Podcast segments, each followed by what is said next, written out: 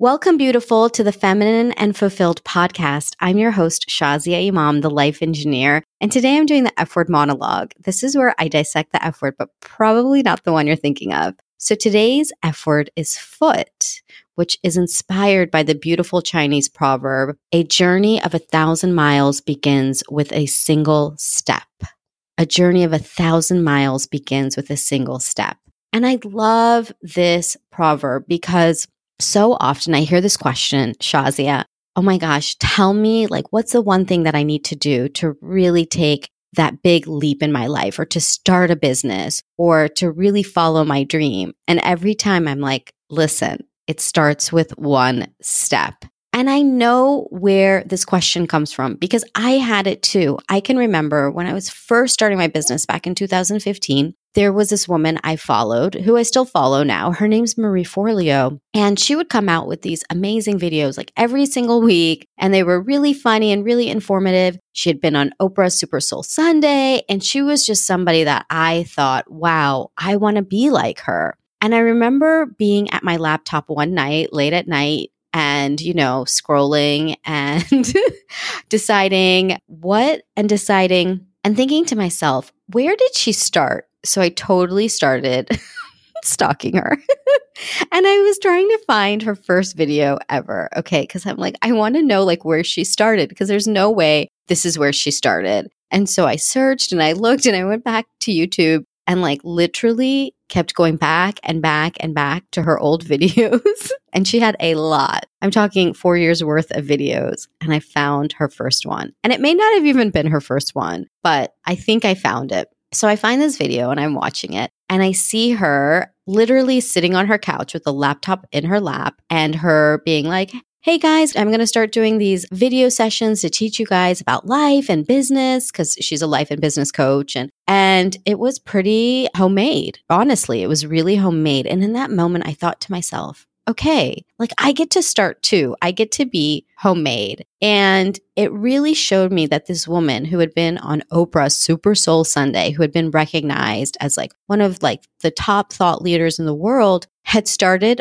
on her couch, like with a laptop on her lap. And for some reason, it gave me the inspiration to be like, I can do this too. And it was in that moment that I decided, okay, I am going to take a step because I was scared. I was scared. I didn't want to come out and like not be really good, especially being a perfectionist. I wanted things to really be top notch coming out. I was really afraid of what people would think. And I was just, I had all these fears of messing up and then people laughing at me or people thinking like I was a fraud or thinking like I don't know what I'm doing and mostly like just being embarrassed by my own self. I was really afraid of that. And so seeing Marie Forleo in that place, and yes, I totally outed myself for like going back and stalking through all her videos, but I did it and it really gave me that inspiration to say, I can do it. So, in case you listen to me and you think, oh my gosh, Shazia's got it all together, Oh my God, I don't. You can actually find my first video. So you don't even have to go stalk me. Let me just tell you where you can find it. If you go to my Facebook page, my public page at facebook.com slash Shazia TLE, as in the life engineer. So Shazia TLE. And you go to my video section, just go to my very first video that I did on there and just see the difference in the way that I speak, in the way that I show up. And I'm still learning and I'm still evolving. But trust me, I started at not a place that I'm at now. So I totally relate to this idea of like, well, what is that thing that's going to take me there? But nothing could have taken me to where I am today or to where Marie is today, which by the way, she's coming out with another book. She's going to be on Oprah Super Soul Sunday again. And she's just phenomenal. And so I really look to her to see like where can I go because I couldn't get to where I'm at if I didn't put one foot in front of the other. So today I'm going to share with you three things that are going to really support you in taking the first step, the second step, and the third step because I know you and I know that you like to get things done and go for it. So I'm going to go ahead and give you three steps because as I'm talking about taking the first step, it is helpful to sometimes know the steps after as well. And these steps, every time you put one foot in front of the other, it's going to support you in opening up more and more in what it is that you are meant to do. So the first step is knowing what you're good at. So writing it down, writing down what are your strengths? What are you known for? What do people tell you all the time? This is a great place to start. Whether you are already on your journey or you're just starting out, this is a great way to get clear on what is it that you are innately already good at? Because by this point in your life, I know that you know that there are things that you're good at. And even the part of you that's like, well, no, you know, Shazi, I don't know. I'm not really good at anything. Okay, let's put the humbleness to the side for a moment. If you need to, go watch my video on braggaliciousness. I'll put a link to that at the show notes at thelifeengineer.com slash podcast slash foot. So you can take a look at my belief in braggaliciousness. So let's put the humbleness aside to a moment and let's really talk about what you are strong at, what you're good at, what you like to do. So start with a list, literally, of those things. Now, another thing that you can do is to go and actually ask people ask them, you know, what would be the three words that they would use to describe you? And I got this particular tip from Marie Forleo. I signed up for her course called B School for anybody who's thinking about starting a business. And in that, I had learned this very technique about asking friends. So if you would like that, I'm going to actually provide the form that I created so that you can go create the same thing. What I did is I created an anonymous form. It was a Google form that I created and I just sent it out to a bunch of people that knew me. And at first I had thought, oh my gosh, nobody's actually going to fill this out. And is this weird? And I can't tell you how many responses I got. I think I sent it, I don't remember how many people I sent it out to, but in the end, I had like 30 responses and I didn't send it to like 100 people. Maybe I sent it to like, I don't know, 40 people or something. But so many people responded. So, what I'm going to do is I'm going to share the email and the form that I sent requesting that so that you have that because I want you to just be able to go and ask and get that information. So again, you can find that at thelifeengineer.com slash good, G-O-O-D, what you're good at. So you can grab my template for the email and the form that I sent out to everybody to get this information. So when it came back, what I did is I looked across the board. Like I, it was really simple. Like just what do you think my three strengths are? Or what do you know me for? And there was this theme that emerged and I was shocked because I didn't actually like realize it myself. So it was really helpful that I had my own list of the things that I was good at. And then I had this list from people that said what they saw in me. And I was able to pull out the themes and then see, like, okay, there are certain things that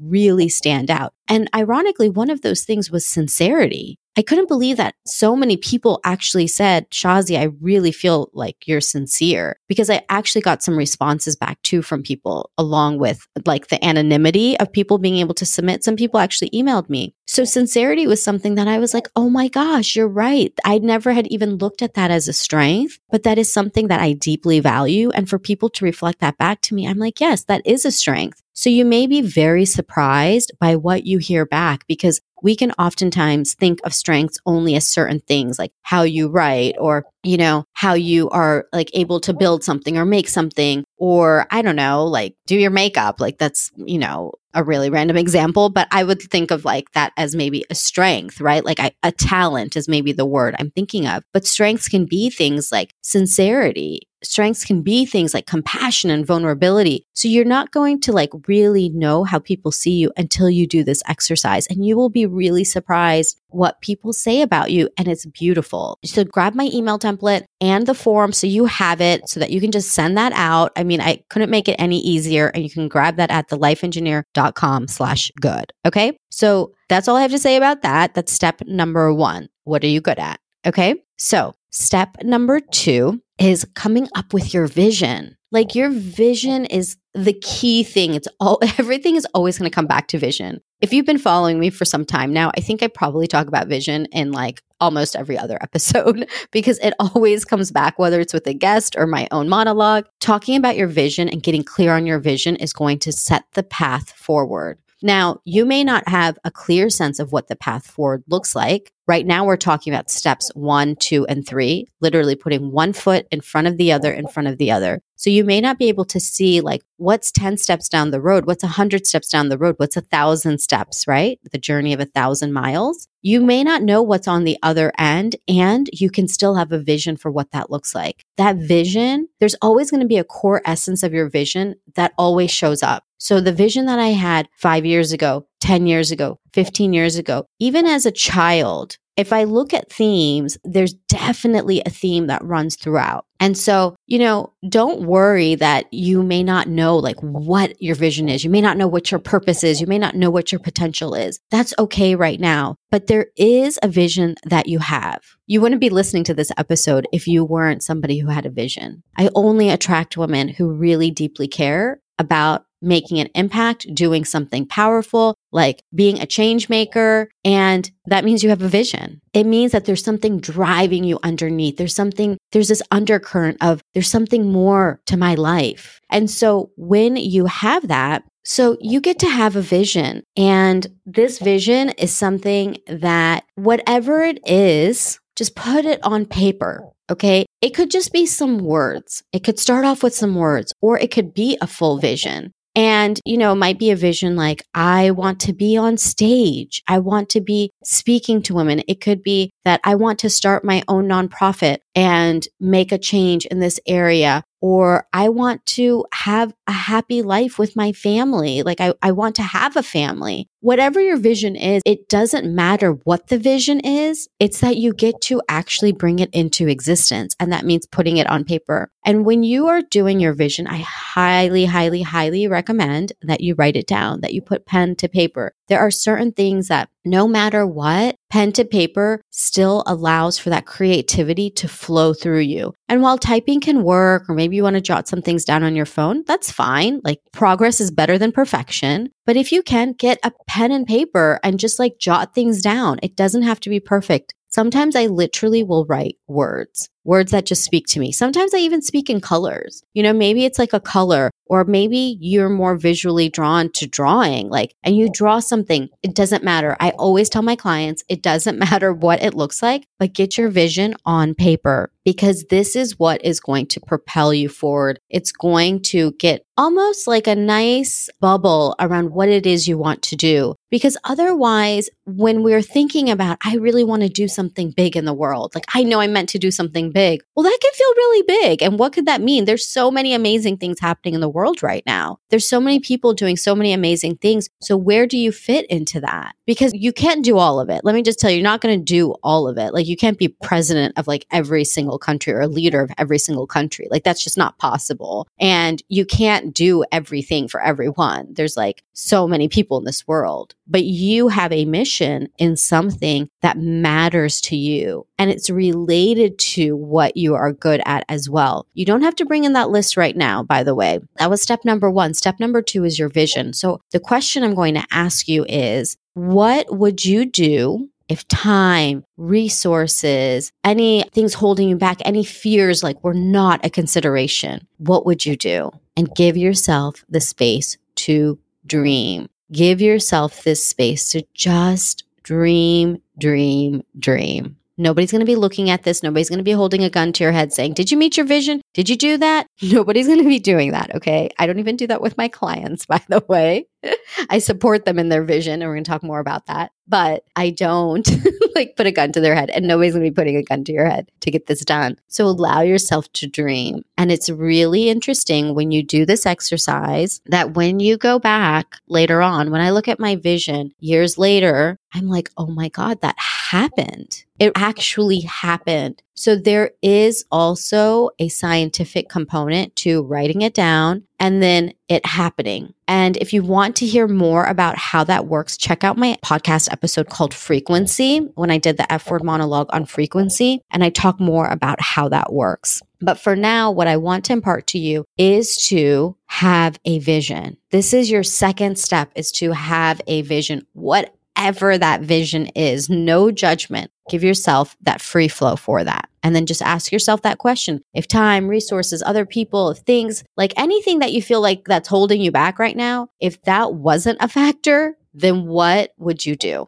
Okay. That's step number two. Okay. Vision. So let's move to step number three. Step number three is so crucial and it's this missing step I see for so many people. So, this step is one where if you were to think about somebody who runs a marathon, okay, and the person who does it on their own versus the person who does it with a coach or some kind of training, there's a big difference. There's a huge difference. Can you do things on your own and go the do it yourself route? Yes, of course. But let me tell you something, it's going to take you a really long time. You know, and I have people who say, Shazia, you know what? I have been working on something for decades. I've really had this vision for something, or I've really wanted to do something impactful in my life, but 10 years, 20 years have already passed and it just hasn't happened yet. And I've heard that story so many times now. And I know that that is because when somebody says that, it's because